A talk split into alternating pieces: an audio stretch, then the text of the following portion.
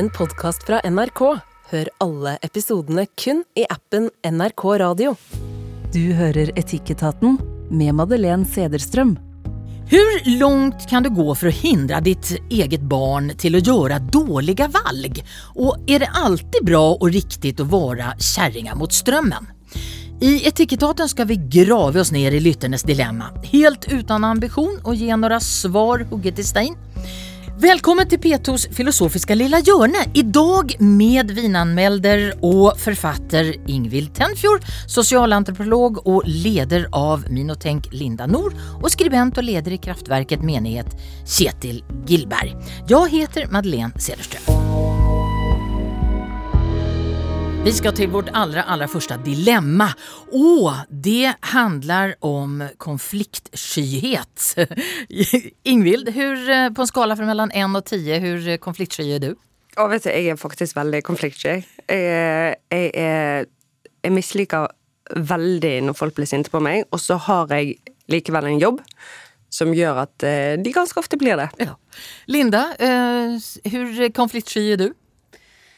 Jeg er egentlig ikke konfliktsky i, i, i saker som betyr noe for meg, men jeg syns det er veldig ubehagelig med mellommenneskelige konflikter som jeg på en måte ikke kan komme meg unna. Eh, særlig hvis det er type i familie eller arbeidsplass og sånn. Det syns jeg er kjempeubehagelig, så der prøver jeg å være så diplomatisk jeg kan. Men jeg, er ikke, jeg unngår ikke konflikt for enhver pris. Kjetil, hvor konfliktsky er du? Nei, sånn midt på treet. Av og til så må man ta en konflikt, tenker jeg, og gå inn i det og sånn i håp om at det skal bli bra. Et, bra landingssted. Men det er veldig sjeldent at det er behagelig. Det syns jeg ikke. Vi skal prate om det å tale Roma mitt imot, for uttrykket er jo velkjent. Men hva betyder det egentlig? I ordboken så står det gå imot den rådende uppfattningen utav någonting och stå emot övermakten. Och det är det ju många som har gjort upp genom tiderna. Jesus till exempel och kong Sverre som norrmännen gott känner till. Og hvorfor vil vi snakke om det her nå? Jo, i akkurat denne episoden av Etikettaten har vi jo Ingvild Tenfjord, Linda Nor og Kjetil Gillberg. Og var og en på ert vis så har ni jo stått imot rådande autoriteter. Bjørnar skriver til oss. Når du har en sterk mening om någonting, har du en plikt da til å opponere deg? Ehm, jeg, jeg vil begynne med deg, Ingvild. Du eh, har ju eh, kraschat in i ett relativt mansdominerat snob snobbefällskap.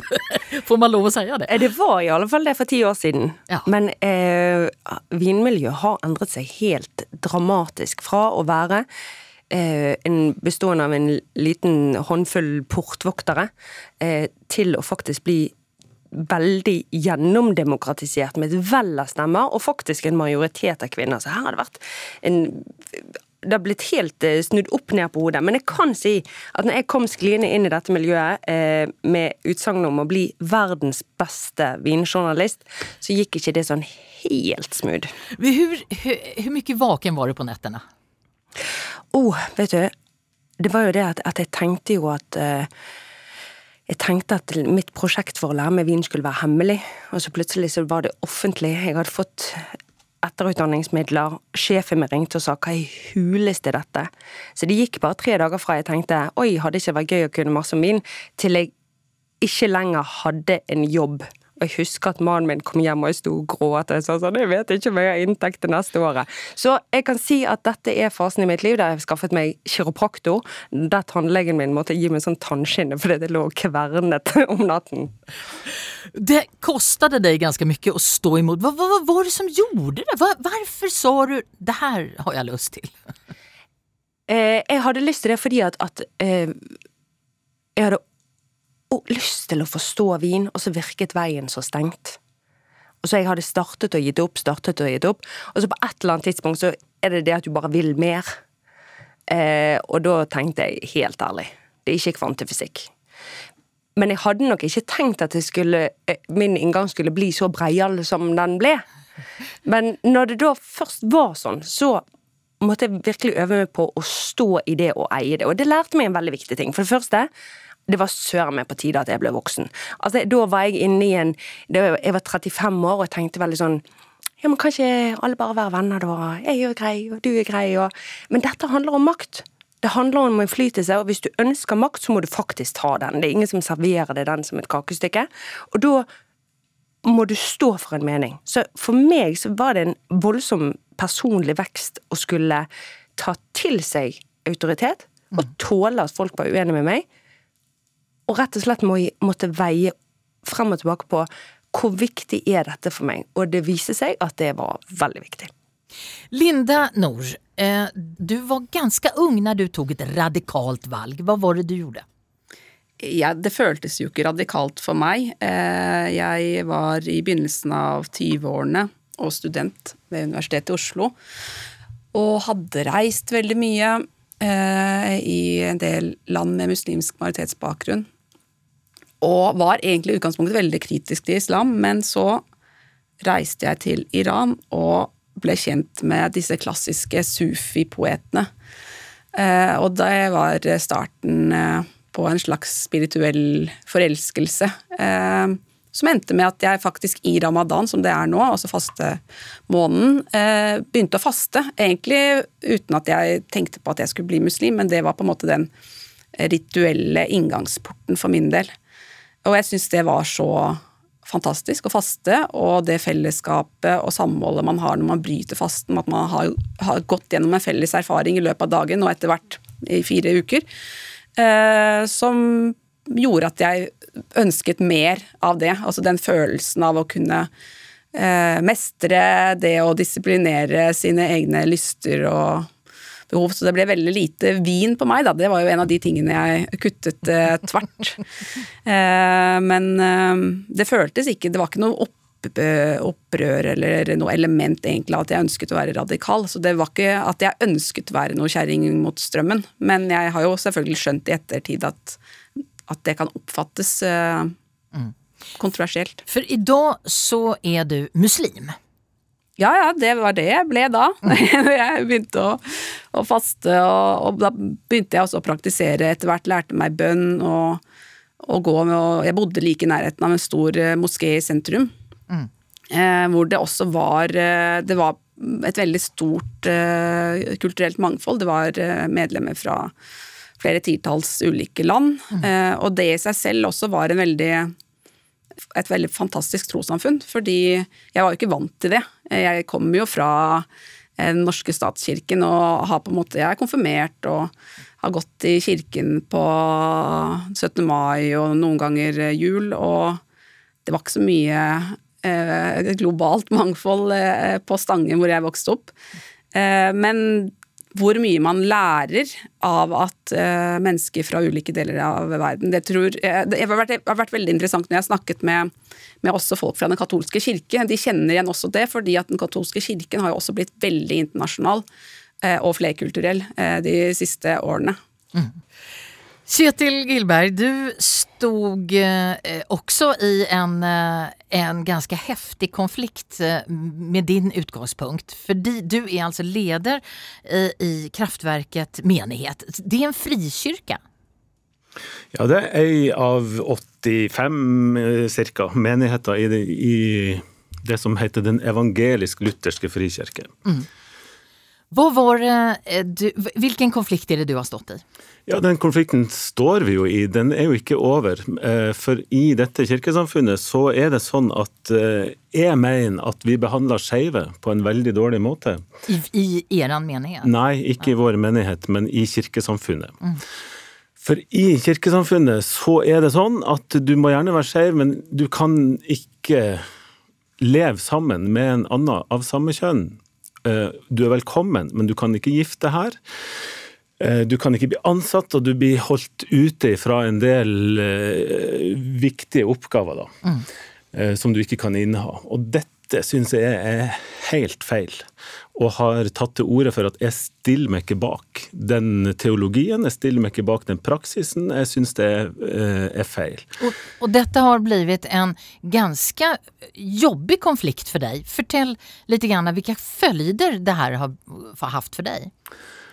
Ja, for meg, jeg står godt i det. Den menigheten som jeg er leder for og pastor i da, vi står veldig samla i dette her. Så vi har liksom ikke noe krig på hjemmebane. Men Eh, det er veldig Selv om dette er sikkert for det norske folk høres helt sånn der 1950 ut, så er det i det frikirkelige så er det rådende ståsted at skeive ikke har de samme, eller blir tatt imot med andre premisser da, enn alle andre. Så det er veldig kontroversielt å si det jeg har sagt, og gå ut sånn. Og det som gjør det litt vanskelig, det er jo at, at eh, mine meningsmotstandere, det er jo faktisk mine venner. Det mm. er folk jeg har ei historie med. Det er folk som, som, har, som har ansikt og navn. Eh, så det der å skille snørr og bart og sak og person og alt det der, det, det er jo av og til komplisert. Og, ja. Det, det, synet du representerer, er det egentlig minoritetssynet? Ikke det nå den Altså, er det ikke egentlig de som inntar det motsatte standpunktet, som er minoriteten nå? Jo, du, det kommer an på hvor du ser hen, da. Ja. Hvis du ser i det norske folk, hvis du ser i Den norske kirke, så er det sånn. Mm. Men i den katolske kirke er det jo ikke sånn. Og i det frikirkelige, som innbefatter mitt kirkesamfunn, pinsevenner, baptister, metodister osv., så, videre, så er det faktisk sånn, og dette er jo mange hundre tusen mennesker bare i Norge, så er faktisk eh, det rådende syn at, eh, at det å leve sammen med en av samme kjønn, det er da en synd. Vi betrakter som det og får da masse konsekvenser. Og for meg så, så, så mener jeg at det er feil. Jeg mener at det ikke er en synd. Jeg mener at det er fint å være skeiv. Og at kjærlighet mellom to mennesker skal være kirkas største konfliktsak, det syns jeg er helt eh, trasig.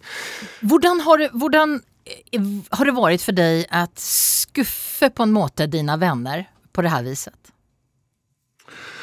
Ja eh, Hvordan har det vært? Jeg tenker jo at dette må vi se saklig på. Jeg, prøver virkelig å beholde vennskap og beholde synet på, på, de som mener noe annet.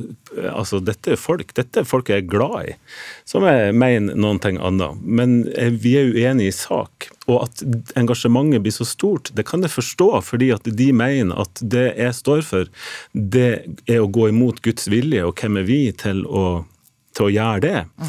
Og det er klart at det har jeg respekt for, det er jo en samvittighetssak. Men, men jeg, mener, jeg, noe annet. Og så er det faktisk sånn at, eh, at de det faktisk gjelder, de skeive, det er jo også mine venner. Det er min familie. De har også navn og ansikt. Og jeg, selv om det har kommet langt i uh, skeives rettigheter, og, og, at skeiv livsstil er ok i det norske samfunnet, så er det ikke altså så er det tungt. Det, det er krevende å være skeiv også i dag. Det, var, det, det, ble skutt under pride i fjor, eller ble, pride ble jo avlyst pga. Av skytinga nede på London der. Altså det er folk som har mye å bære. Mange av de. Og at kirka skal være med og legge stein til byrden, det syns jeg er fryktelig vanskelig å sitte og se på uten å si at dette er ikke greit. Og som mm. pastor så syns jeg det er helt umulig å forvalte et sånt, en sånn praksis, da. Eh, så, så det, og så er valget, da. Skal du bare gå ut, si at da kan du ikke være med på det. Men da har jeg valgt at, eh, at jeg må si ifra jeg må si ifra, sånn at folk hører det. Og, og for jeg vet at det er mange i det frikirkelige og i mitt kirkesamfunn, og i, i, i den menigheten er det jo som er led, der, der krangler vi mye om dette her, altså. Mm. Eh, sånn at du får også fryktelig mange venner når du stikker hodet fram og, og mener noen ting, da. Linda, ja. ja, eh, hvor lett er det å være uenig i ditt fellesskap? Eh, akkurat eh, når det kommer f.eks. til eh, dette med å være skeiv i muslimsk kontekst, så er nok det virkelig en av de siste store skansene, sånn som det også kanskje er i frikirkelige miljøer og, og, og blant katolikker, og også eh, jøder. Det som er ekstra utfordrende i islam, og det tror jeg nok man kan kanskje langt på vei også si er en av utfordringene i, i kristendom, er at det muslimske trosliv er så rammet inn av et heteronormativt familieliv. Men har dette gjort litt vondt? Ja, veldig. Jeg, jeg kjenner meg veldig igjen i det pastoren sier her. Jeg har følt på akkurat de samme følelsene på at dette her er jo ikke noe som jeg ønsker eh, skal ramme noen. Fordi jeg skjønner jo det at det som kan føles veldig fint og trygt eh, og riktig for meg som en, eh, som en hetero kvinne, som ikke trenger å tenke på om, jeg, om det, den måten jeg velger å leve på, blir sett på som veldig eh, ekkelt eller syndig, eller noe som til og med man helst ikke skal snakke om. For det er sånn vi egentlig fortsatt har det litt i muslimske miljøer. At det er litt sånn som det var i den amerikanske hæren før. Det var sånn don't ask, don't tell. Det er, liksom, det er en toleranse hvis bare folk eh, legger litt lokk på seg. Hva koster det deg å eh, enten ta eller ikke ta den konflikten?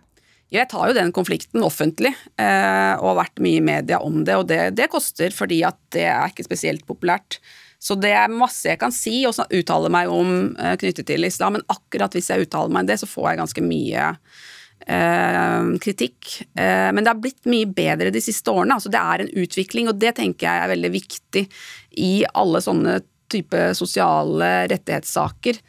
At det er ikke man, Jeg får ikke det samme sinnet lenger eh, som jeg kunne mm. få for bare fem-seks år siden. Mm. Eh, da kunne jeg bli på en måte offentlig hengt ut av muslimske organisasjoner og, og på en måte bli veldig At det ble, det ble veldig problematisert. Men, men, det har blitt en endring. Man ser det i undersøkelser også, undersøkelser også at særlig unge mennesker er mer tolerante overfor skeive enn foreldregenerasjonen. Og det må vi jo også huske at i norsk sammenheng så er det ikke mer enn 40 år siden der majoriteten av den norske befolkningen mente at det ikke var greit å være skeiv. Mm. Hva er du, Ingvild, aller mest stolt over at du har fått til gjennom å uh, tale Roma midt imot? Uh, jeg har bidratt til en demokratiseringsprosess rundt vin. Det er jeg stolt over. Jeg har endret språket rundt vin og gjort det eh, tilgjengelig for flere. Vi har hatt en mat- og vinrevolusjon i Norge. Vin har vært lukket på en annen måte ved at, at har, eh, det har vært eh, porter som handler om økonomi, størrelse på leilighet. Har du en vinkjeller eller har du ikke? Kjenner du de rette folkene? Mm. har du tid og kraft til å lære deg disse tingene? Sånn at det er klart at når jeg kommer inn og så sier jeg, men det trenger ikke være så grådig vanskelig. Du kan jo bare ta en snarvei her. Så var ikke det sånn kjempepopulært, men jeg er stolt over at jeg har bidratt til å endre klimaet rundt det, og så tror jeg at det har vært enklere for flere andre kvinnelige vinentusiaster å følge etter. Linda, hva er du mest stolt av at du har stått imot? Jeg tror faktisk det er det og, og litt det samme som det du sier om å faktisk ta en stemme i offentligheten. Vi vet jo at kvinner er sterkt underrepresentert som f.eks. kilder i nyhetssaker, eh, på kronikkplass. Altså det er en, fortsatt i det likestilte Norge en overvekt av menn som synsere, som menn som samfunnsstemmer i politikk. Eh, og det har jeg vært glad for at jeg har eh, valgt å gjøre. Selv om det har jo gjort uh, at uh, man noen ganger får litt redusert livskvalitet, så det koster jo selvfølgelig.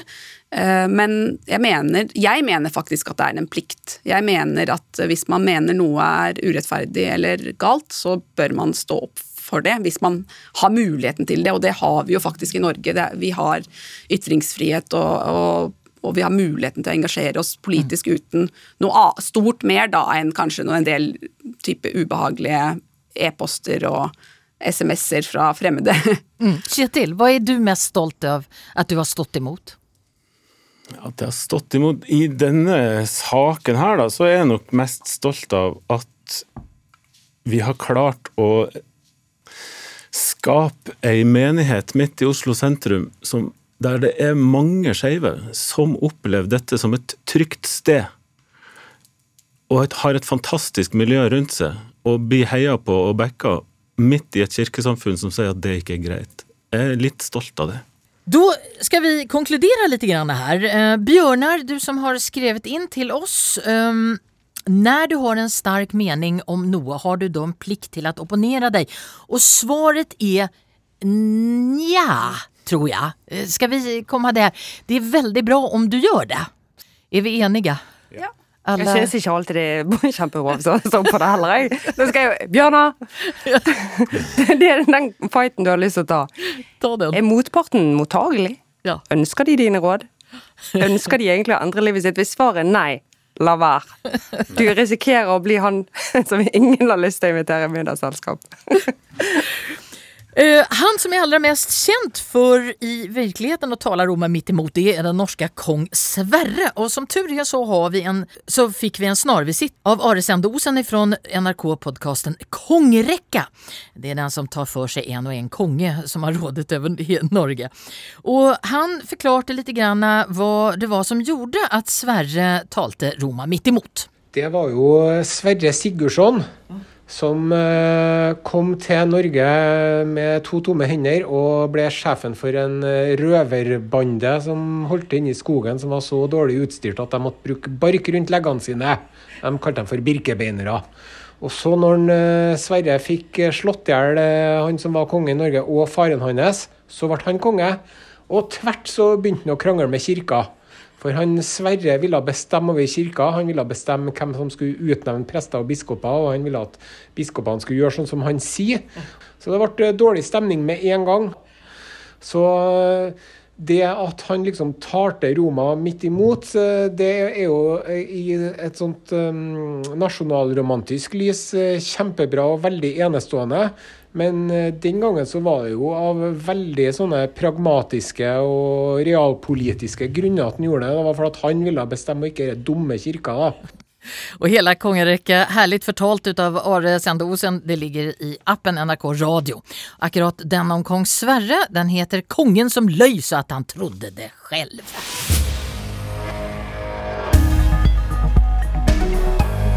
Vinanmälder och författare Ingvild Tenfjord, socialantropolog och leder utav Minotänk, Linda Nor. Och Minotänk, Linda, det är alltså en eh, tänketank. Vad, vad är en tänketank för någonting? Ja, Det er et litt sånn amerikanisert eh, konsept som eh, vår stifter Abid eh, Raja hadde blitt inspirert av når han hadde vært eh, i USA. Eh, men kort sagt så, så er, det jo, er det jo noe man gjør for å prøve å påvirke samfunnet. Vi jobber veldig mye med det vi kort eh, oppsummert kan kalle en antirasistisk likestillingskamp. Eh, for å være veldig for å si det veldig kort. Og så har vi også med oss eh, skribent og leder i Kraftverket menighet Kjetil Gillberg. Neste dilemma. Monica spør på sms til 1987, kodordet diktik. Har jag som individ rätt till att avgöra vad jag själv är? Eller kan ett trosamfund avgöra vad jag kallar mig? Ingvild, Kjetil och Linda, ehm, när det gäller tro, vad definierar du dig som? Vi vet ju att Kjetil och Linda har eh, redan sagt det egentligen, men Ingvild, vad, vad, vilken tro har du? Jeg är troende. Kristen. Linda, eh, muslim? Ja, det er ikke så hokus pokus, og eh, det er jo ikke noe dåp eller sånne ting i islam, eller konfirmasjon eller noe sånt. Det er veldig Altså, det ritualet man gjør når man konverterer, er veldig, veldig Ja, hva gjør man da egentlig? Altså, det er Liten konfettibombe. Poff! Nei, det er veldig Man kan til og med gjøre det alene, men mange gjør det jo sammen med noen andre. Eh, Men eh, det er bare å, å, å fremsi trosbekjennelsen, som er at man tror på den ene Gud, og at profeten Mohammed er, eh, er Guds sendebud, og, og det er det.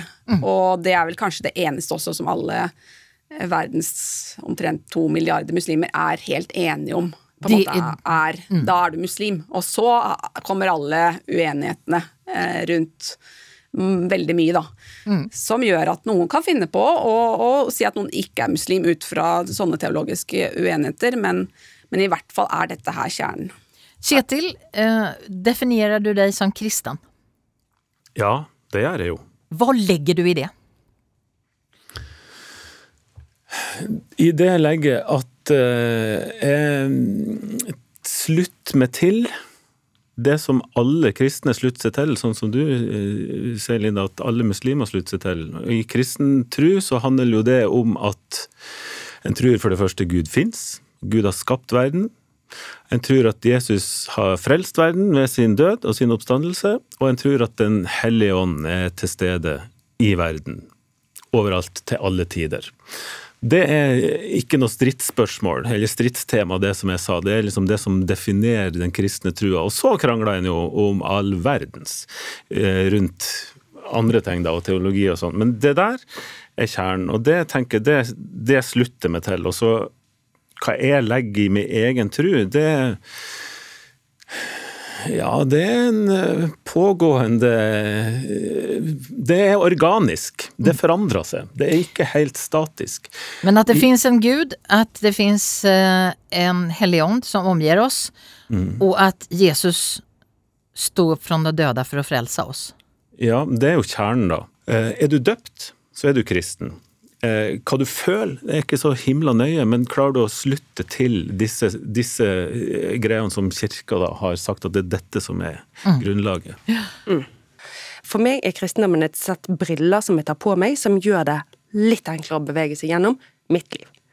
Så jeg er veldig lite opptatt av liksom, om andre tenker det samme som meg, eller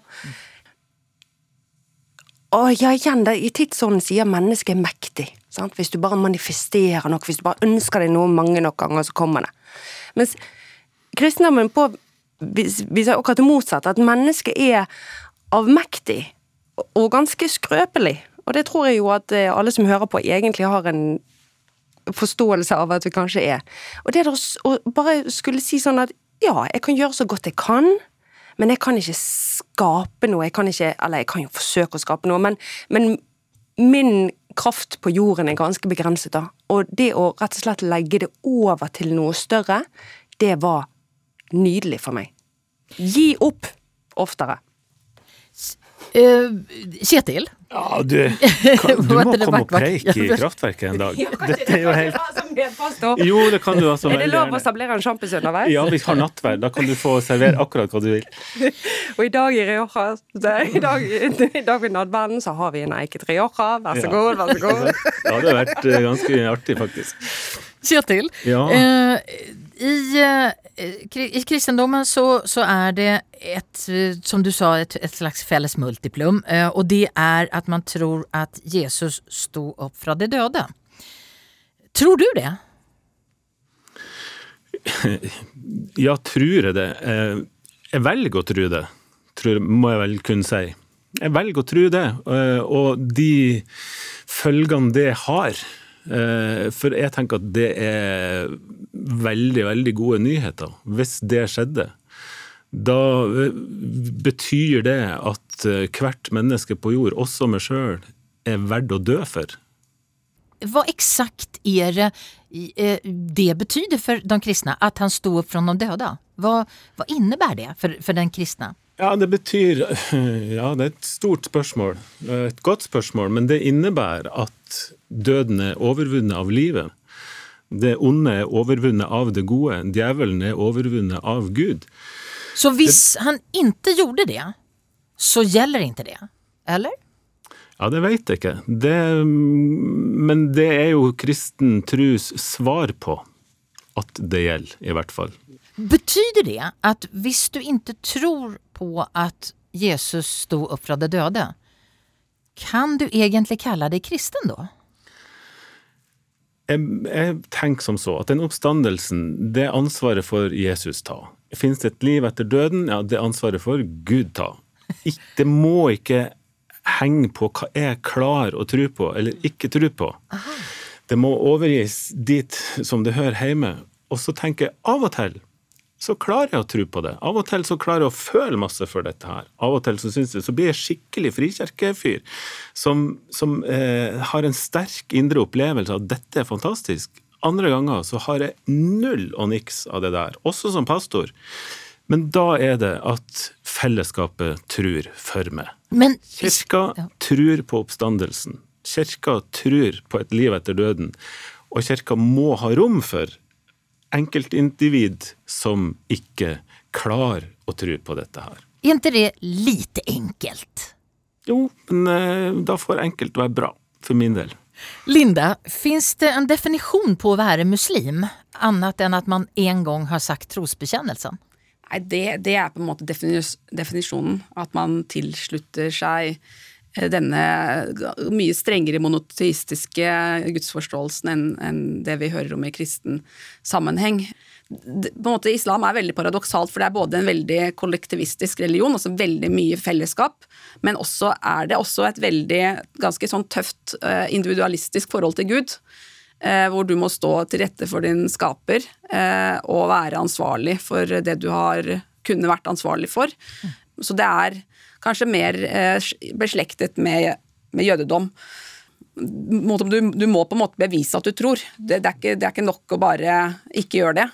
Eh, du, må, du må bevise det gjennom handlinger og det å følge eh, normer og påbud. Fins det da noen menneske som kan si til en, annen, til en muslim, du er ikke muslim? Det er jo noen som gjør det, men i henhold til da eh, læren så kan det være veldig risikabelt. For hvis du gjør, sier feil, altså at du, den personen egentlig er en troende, så kaster du deg selv ut av troen. Det er på en måte sånn læren er. Så det er på en måte veldig sterkt advart mot å ta eh, Guds rolle i å bedømme hva som bor i de troendes hjerter, da. Men jeg tror jo dette er, altså hovmod er jo den største følgefeilen ved enhver ideologi, både sekulær og religiøs. Absolutt. Jeg er enda mer politisk enn deg. Jeg er mer katolsk enn paven i Rom. ja, ja, det er litt sånn. Det var mye av det i AKP-ML tror jeg. Men eh, ja. Mm. Vi ska konkludera. Jag ska bara fortelle at Norstat har nämligen gjort en undersøkelse for NRK Etikettaten. Eh, och då var spørsmålet följande. I Bibeln står det at Jesus sto opp fra de døde første påskedag. Og tror du på det? Og her er de rykende ferske resultaten. A. Jeg tror at det skjedde slik det står i Bibeln. Det er det 12% som har sagt ja til. B. Jeg tror at Jesus sto opp fra de døde, men kanskje ikke fysisk slik det er beskrevet i Bibeln. Det er 16% C. Nej, jeg tror ikke på at Jesus sto opp fra de døde. Det er 57% Betyder det Kjetil at de her 57 prosenten egentlig ikke kan kalle seg for kristne?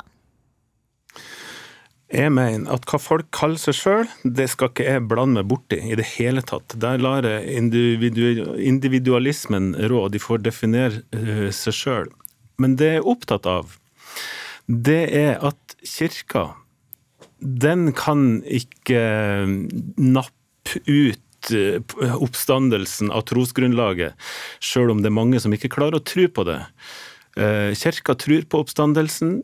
Kirka sitt fellesskap tror på oppstandelsen, uavhengig av enkeltpersoner sin tvil. Og så håper jeg at det kristne fellesskapet er raus nok til å inkludere enkeltpersoner som ikke klarer å tro på alle, alt dette. Og i hvert fall inkludere de som ønsker å tilhøre.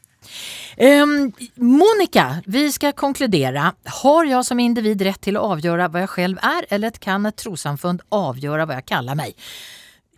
Ja, Du kan kalle deg det du vil, men trossamfunnet har jo også rett til å definere sine rammer. Så det er på en måte en tosidig sak, da. Det er litt som eh, tidligere. Det er et nja. Ja. Et, uh, ja. Ja, istemmes. Det er jo et dilemma av en grunn, dette her. ja. Vinanmelder og forfatter Ingvild Tenfjord, sosialantropolog og leder av Minotenk Linda Nord, og skribent og leder i Kraftverket menighet i Kjetil Gilberg. Vi skal til et eh, dilemma som kom, ikke kommer fra en lytter denne gangen, men den kommer fra teaterscenen. For i mars i år så står Emma Bustnes på scenen i sin allra første hovedrolle på Trøndelag Teater i stykket Eksotisk dans, skrevet av Anna Renolan. Stykket handler om hvor langt kan du gå for å hindre ditt barn i å ta sine egne valg. Hva om din tenåringsdatter sier at hun vil flytta til Syden for å bli stripper? Linda, jeg vil börja med deg. Du har tenåringsdøtre.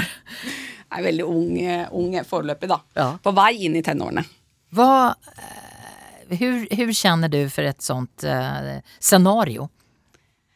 Nei, jeg merket jo at jeg ble ganske jeg, jeg, jeg ser ikke på det som et ideelt scenario, nei. Jeg, skulle, jeg, ønsker ikke at eh, min datter kommer og sier noe sånt. Og jeg, må jo innrømme at jeg også veldig aktivt i oppdragelse og i det jeg prøver å investere da, i, i familieliv. Eh, prøver å legge til rette for at det kanskje ikke vil bli et naturlig valg. Nei, for du har definert deg som både blodfeminist og muslim.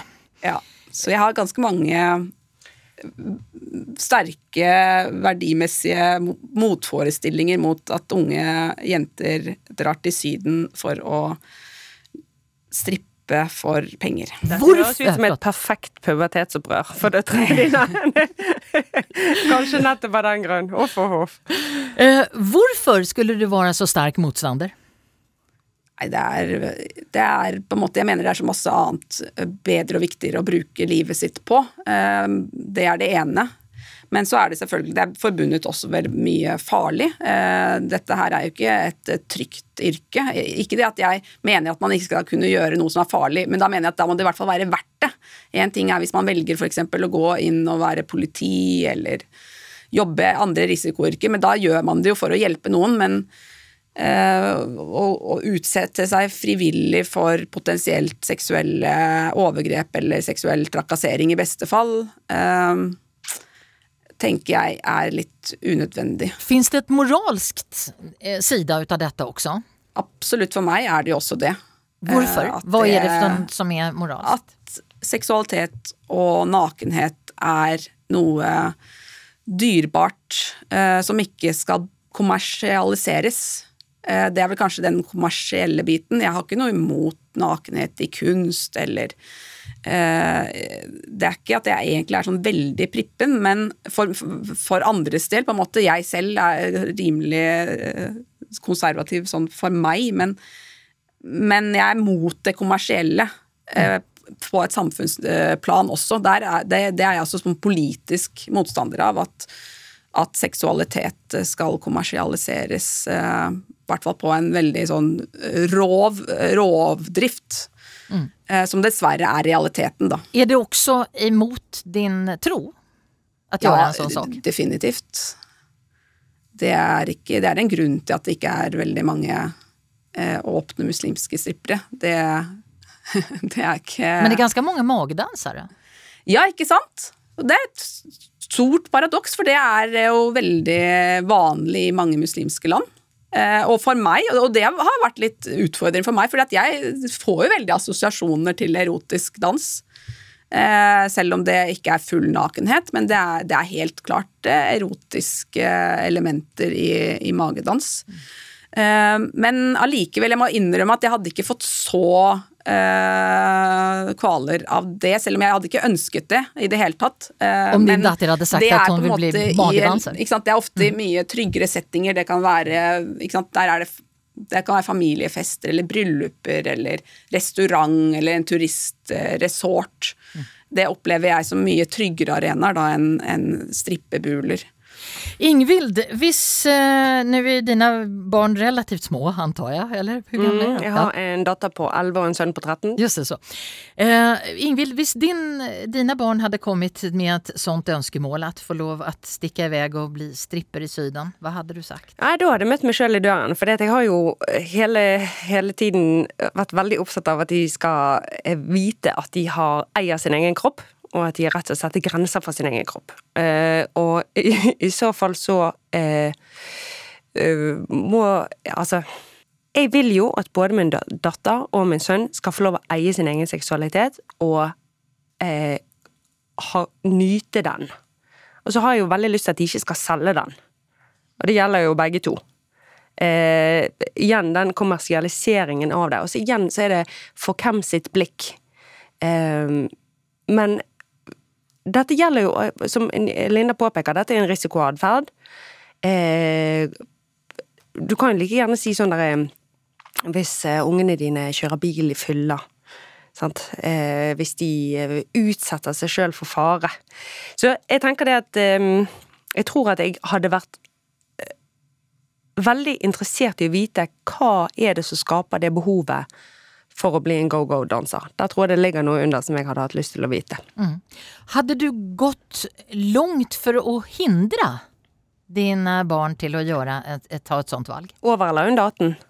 Ja, presis. precis. Eh, vi sier at de er over 18. Jeg hadde nok eh, gjort det jeg kunne for å overbevise, og jeg er ganske god på det. Men igjen, på et eller annet tidspunkt så må du slippe dine barn, og så må du si du må gjøre valg for ditt eget liv. Og så skal jeg gjøre det jeg kan for at de skal komme hjem igjen til meg. Hadde du gått og eh, sett, hvis din dotter hadde sagt så jeg vil veldig gjerne at att du skal komme og se på meg, mamma. Eh, det, da hadde jeg kommet. Eh, det hadde jeg nok helt sikkert, men her begynner vi å komme inn i en veldig rar psykologisk floke der dette ikke lenger handler om stripping. Der det handler om eh, en eh, Ja, da er det jo noe annet hun forsøker å si til meg, og da skal jeg lytte til det. Kjetil, eh, du har, har du, du har barn, va? Har du? Jeg har tre barn, og en under 18 og to over. Blant annet ei datter på 22. Hva hadde du sagt? Ja, forutsatt at hun er 22, så eh, ville jeg sagt veldig mye av det som allerede er sagt her nå. Jeg syns det er en utrolig dårlig idé. Eh, men aller først ville jeg sagt wow, kommer du til din gamle far og forteller dette? Det syns jeg egentlig var ganske kult. Eh, og i dattera mi sitt tilfelle så er jeg helt sikker på at hun ville ha gjort det. For at hun, hun, eh, hun er kul, og hun er åpen, og hun er befriende fri for skamfølelse for ting. Så det er noe der som er i dialogen, da, som jeg tenker er veldig positivt. Men hvis den situasjonen har kommet, så ville jeg nok sagt og gravd veldig i hva, hvorfor vil du dette? Hva er årsaken til at du vil dette? Hva er det som er så viktig? Er det pengene? Er det oppmerksomheten? Hva er det for noe? Og så er det at det er en risikosport, holdt jeg på å si. Det er en risiko, et miljø der folk ikke vil det vel. Eh, Det er ikke greit for meg at du skal dit. Hadde du, hadde du gått så langt at du hadde beslagtaget passet hennes? Nei. Det hadde jeg ikke. Hadde hun vært 17, så hadde jeg kanskje det, men eh, ikke 18. Da er, det er dessverre sånn. Som foreldre så må man eh, se på og tillate og akseptere at barna gjør valg som du sjøl ikke ville tatt. Og fram til de er 18 så kan du si du har lov, du har ikke lov. Men etter 18 så må jeg respektere at de må få sitt liv, de må få uh, gjøre dumme valg, de må få løsrive seg fra min tru, mine verdier, mine holdninger og alt dette her.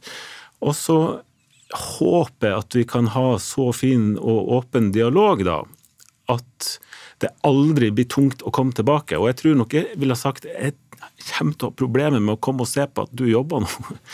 Men jeg kan komme og hente med en gang ting blir vanskelig. Linda, hadde du eh, gått og sett på din datter? Jeg hadde nok kanskje gjort det nettopp for at jeg ville vært så bekymret.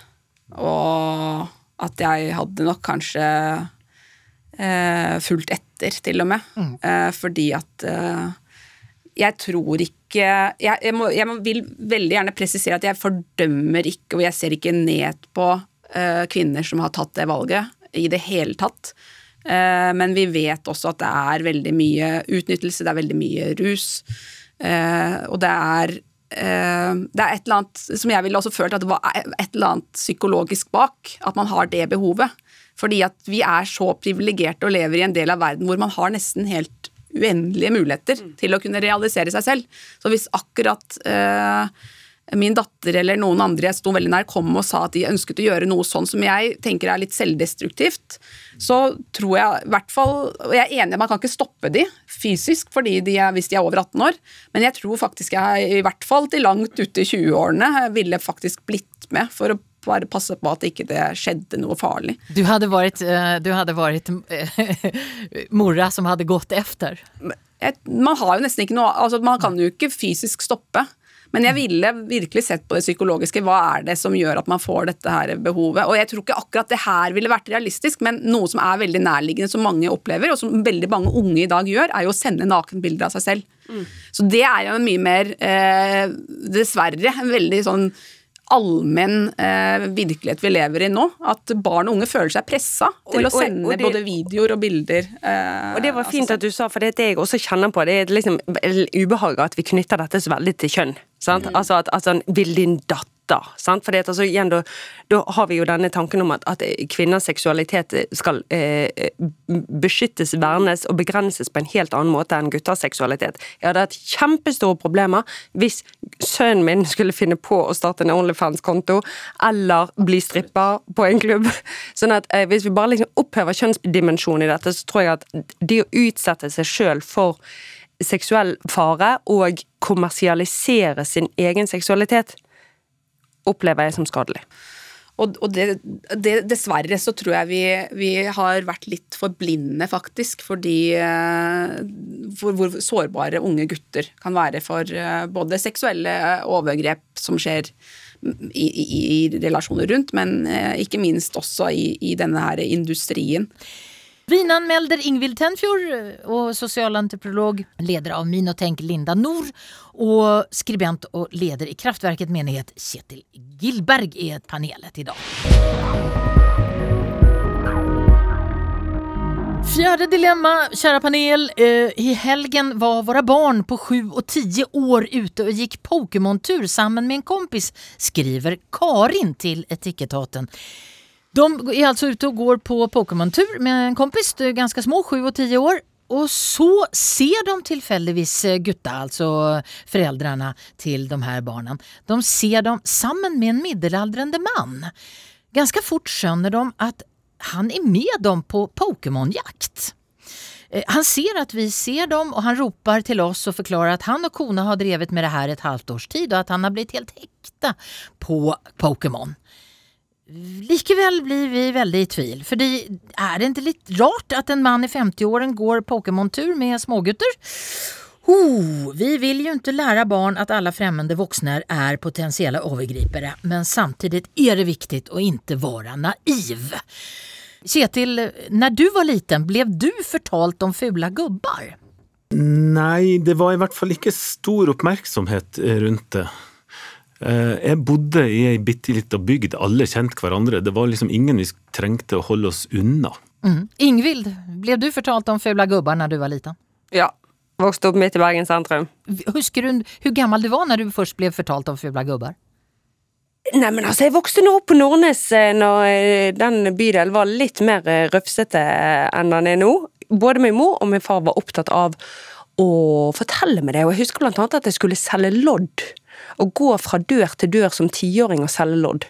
Og da hadde min far eh, flere samtaler med meg der han, der han faktisk lage sånn rollespill med meg. Hva gjør jeg hvis jeg blir forsøkt lukket inn, eller eh, grenseoverskredet på noen måte? Og da husker jeg det at selv om vi, var, eh, vi øvde i stuen, og selv om det var eh, Jeg kunne se at det var pappa, så husker jeg det at jeg gikk inn i det der at jeg kjente på at det var vanskelig å si nei til en voksen. Mm. Som sier 'ja, men du skal jo bli med meg inn her'. Det var vanskelig for meg fordi at jeg manglet den autoriteten som barn.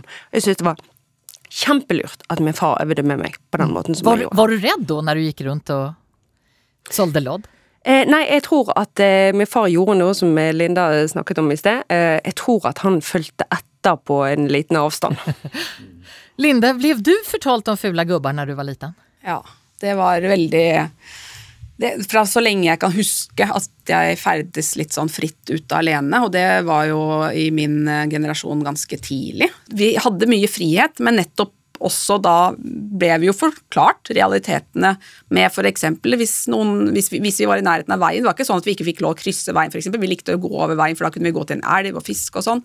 Vi fikk lov til det, men da vi, måtte vi passe på at ingen biler stoppa og ba oss om å komme inn. Det måtte vi aldri gjøre. Aldri ta imot godteri av fremmede. Eh, og si ifra hvis noen voksne eh, som ikke vi kjente, gjorde noen eh, som helst liksom, tilnærmelser. Da. Mm. Eh, jeg tror ikke alltid jeg helt skjønte hvorfor, men så var det den Therese-saken at det var en kidnapping. Så jeg tror, jeg tror jeg tenkte bare at det handla om kidnapping. Jeg var nok for liten å skjønne om, noe om overgrep og sånne ting. Jeg skjønte ikke helt hvorfor vi skulle passe oss, mm. men jeg hadde en idé om at noen kunne ta barn og stjele barn og sånn. Mm. Og ja, det var noe jeg ikke kunne være ganske redd for, men, eh, men, sånn er jo verden. på en måte at Hvis man skal ha frihet, og vi kunne være ute og leke hele dagen, eh, og vi elsket jo den friheten, og da tror jeg at det måtte også prisen være at vi da måtte få litt sånne alvorsprater da, mm. om, om at da må vi også passe oss. Ingvild, eh, Karin eh, har ju skrivit in den här historien. Visst det hadde vært du som hadde sett dina barn gå sammen med en voksen på Pokémonjakt. Eh, hva hadde du tenkt, først og fremst? Nei, altså nå er jo jeg Eller det har dabbet litt av nå, men jeg var jo veldig på Pokémon sjøl. og når jeg skjønte det, i Pokémon så er det noen sånne egg som kan klekkes, og de klekkes ved å gå fysiske skritt. Og det klarte jeg å gjøre mer effektivt i min eh, arbeidshverdag enn mine barn, så jeg eh, rett og slett eh, var medmanager på den kontoen. Så du, du, kan, se for, du kan se for deg det her? At at, oh, ja, ja, ja, dette kan jeg helt fint leve meg inn og jeg vet at det er mange, både menn og kvinner i alle aldre, som var opptatt av Pokémon. Hvis du hadde vært Karin, hva hadde du gjort? Da hadde jeg joinet. Jeg hadde gått opp som mor og sagt hei, hei, hvilket nivå er du på? Hva er den kuleste Pokémon? Og da kan vi jo ganske raskt eh, sortere ut eh, om denne Pokémon-interessen er reell eller ikke. Kjetil, eh, hva hadde du gjort om du var Karin? Nei, jeg tror også jeg hadde gått bort og prøvd å bli en del av greia, men jeg har aldri spilt Pokémon eller gjort det der. Men da har vært nysgjerrig. Er, hvem er du? Hva går dette i? Hvordan, ja, hva skjedde her, da? Hadde du vært lite redd? Jeg hadde eh, En sunn skepsis hadde slått inn. Jeg, jeg er også klar over at, eh, at Pokémon At dette spilles og at folk går sammen i alle ulike aldre og sånn og sånn. Men, men, jeg blir jo på vakt hvis det er voksne folk som bruker masse tid. Fremmede voksne som bruker tid med mine barn. Men for meg så er det samtidig noe fint i det. Fordi at um, det, det, ligger så vanvittig dypt i oss at vi har lyst til å beskytte ungene våre i forhold til det forrige dilemma, men også her. Det, vi er så livredd for at, de skal, det skal gå gærent med dem, eller at noen skal være kjip med dem. og sånt, og det, Den beskyttelsestrangen er så stor, og samtidig så, så har jeg jo jeg lyst til at de skal være åpne og nysgjerrige. og ikke møte verden og ikke møte folk med skepsis, annet enn en sunn skepsis. Så jeg syns dette dilemmaet er kjempevanskelig. Har du tatt den der praten med dine barn? Ja, det har jeg gjort. Det var utrolig bra det faren din gjorde. Vi har nok ikke hatt så mye rollespill, men vi har hatt noen episoder i vårt nabolag her i Oslo der barn har blitt borte, og der vi har Ja. Øh, og funnet øh, død.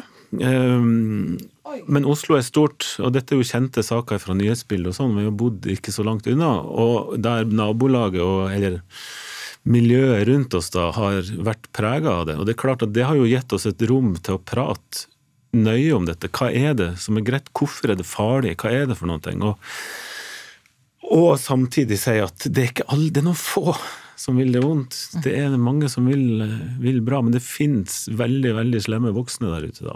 Men er, er dine unger eller de i nabolaget er de, er de redde? Er de redde for fremmede? Nei, ikke som på generell basis, men akkurat i de periodene der, så har det jo vært sånn at inntil, inntil vi vet hva som har skjedd, og inntil disse, denne jenta i dette tilfellet blir funnet, så, så, må dere være forsiktige.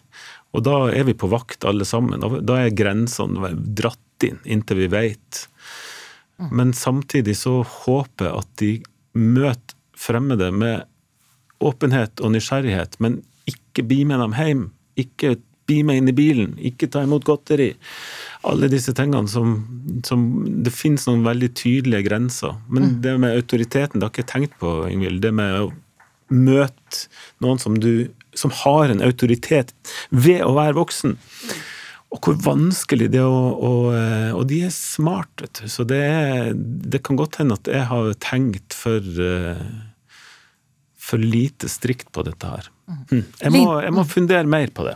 Linda, eh, hva hadde du gjort om du var Karin? Jeg tror jeg nok hadde også prøvd å delta. Jeg, jeg synes at det er eh, viktig å la barna være eh, barn, eh, og få på en måte slippe å forholde seg til all verdens elendighet og grusomheter.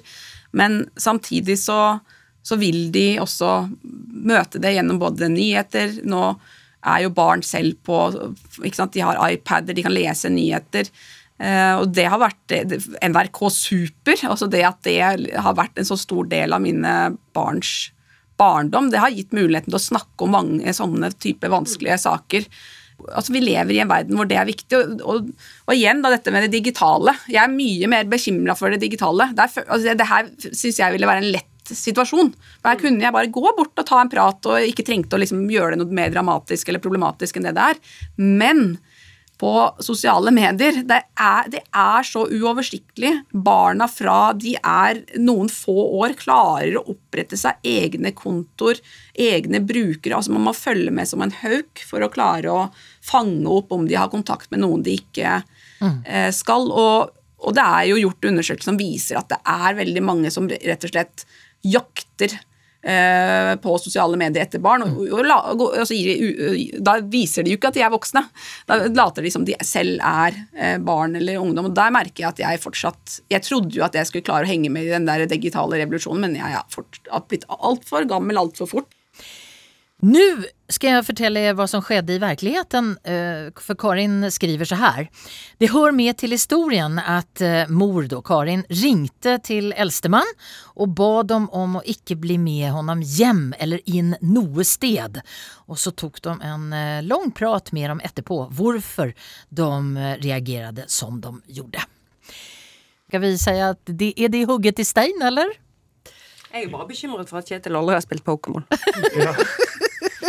Du får vise honom Pokémon. Møtes i Frognerparken. Jeg tar det for en spinn.